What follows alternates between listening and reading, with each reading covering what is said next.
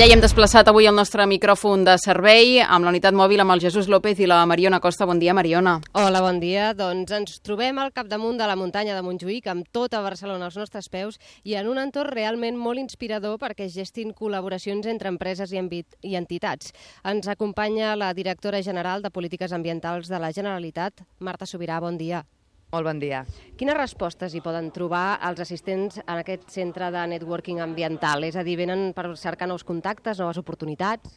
D'entrada el que volem és eh, fer més petit, diguem-ne, l'espai que hi ha entre les empreses i les entitats ambientals. Aquests dos han estat dos sectors que tradicionalment doncs, no han estat prou a prop, hi ha un nivell de desconeixement molt gran i creiem que crear un grup de, un espai de trobada com el Marketplace Ambiental era bo perquè es coneguessin mútuament i poguessin veure les múltiples possibilitats de, de col·laboració que hi ha i que avui, per exemple, hi ha més entitats que empreses, el percentatge està més o menys igualat? Està bastant equilibrat. Com a assistents hi ha més assistents pertanyents a entitats, unes 170 persones, i hi ha unes 75 empreses acreditades. A partir d'aquí creiem que, que la seva relació pot donar lloc a projectes molt innovadors, perquè cadascú aporta coses molt diferents, però que segur que juntes poden donar un fruit molt interessant per amb dues parts. La col·laboració entre sectors és un factor clau per, per la innovació, però per alhora tenir un desenvolupament sostenible? És un factor absolutament clau. Uh, les empreses tenen un nivell de coneixement, un nivell de, de recursos que moltes vegades les entitats no tenen, però les entitats al mateix temps han hagut d'espavilar-se precisament per aquesta manca de recursos i, per tant, sovint tenen idees molt innovadores que també poden repercutir positivament en l'empresa. Per tant, entenem que la col·laboració entre els dos poden donar lloc a projectes eh, segurament a vegades sorprenents i que cap dels dos doncs, havia pensat que podia donar fruits. Molt bé, Marta Sobirà, directora general de Polítiques Ambientals, moltes gràcies. Gràcies a vosaltres. Doncs dues Dues de les persones que van trobar un punt d'equilibri entre el que una demandava i l'altra oferia són el Xavier Puig i el Marc Fàbregas. Bon dia a tots dos. Hola, bon dia. Bon dia.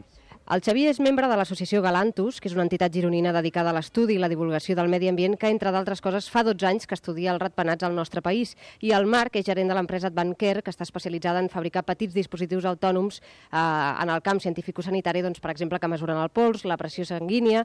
No sé què és el que necessitàveu des de Galantus i què és el que va oferir Advanquer. Comencem per Galantus. Uh, per als nostres estudis era algun aparell que fos capaç d'enregistrar els rapenats, com venim fent des de fa molts anys, però que fos capaç de fer-ho de forma autònoma, perquè fins ara dediquem moltes hores a l'estiu a passar-los doncs, nosaltres al camp enregistrant rapenats. Aleshores, teníem la idea d'això, de que es podria fer algun automatisme, algun aparell que gravés de forma autònoma i, a més, que envies les dades eh, via satèl·lit o via telèfon, de la forma que fos, que ens les envies directament al despatx. I aquí és on entra en joc Advancare. I com és aquest aparell? Bueno, l'aparell ve a ser, perquè ens fem una idea, una mena d'estació remota, eh, similar a les estacions meteorològiques que poden tenir instal·lades al, al, al Servei de Meteorologia de Catalunya, eh, que poden repartir-se en qualsevol lloc de, de, de l'espai i que, en aquest cas, en comptes d'estar mesurant, bueno, a més d'estar mesurant variables meteorològiques, sobretot el que mesuren doncs, és l'emissió d'ultrasons per part dels rapenats, s'enregistra tot això i es transmet inalàmbricament via diferents canals, depèn de, de la ubicació de l'aparell, eh, doncs, com diu ell, cap al núvol, cap a internet i d'internet doncs, cap al seu despatx. Molt bé, doncs gràcies Xavier Puig de l'associació Galantos i també al Marc Fàbrega, gerent de l'empresa Advanquer, per il·lustrar-nos una mica la fructificació que pot acabar tenint aquest marketplace ambiental entre empreses i entitats del tercer sector promogut pel projecte Tàndem. En la la pròxima connexió parlarem amb alguns dels participants que encara corren per aquí buscant un partener. Molt bé, Mariona, gràcies i fins després.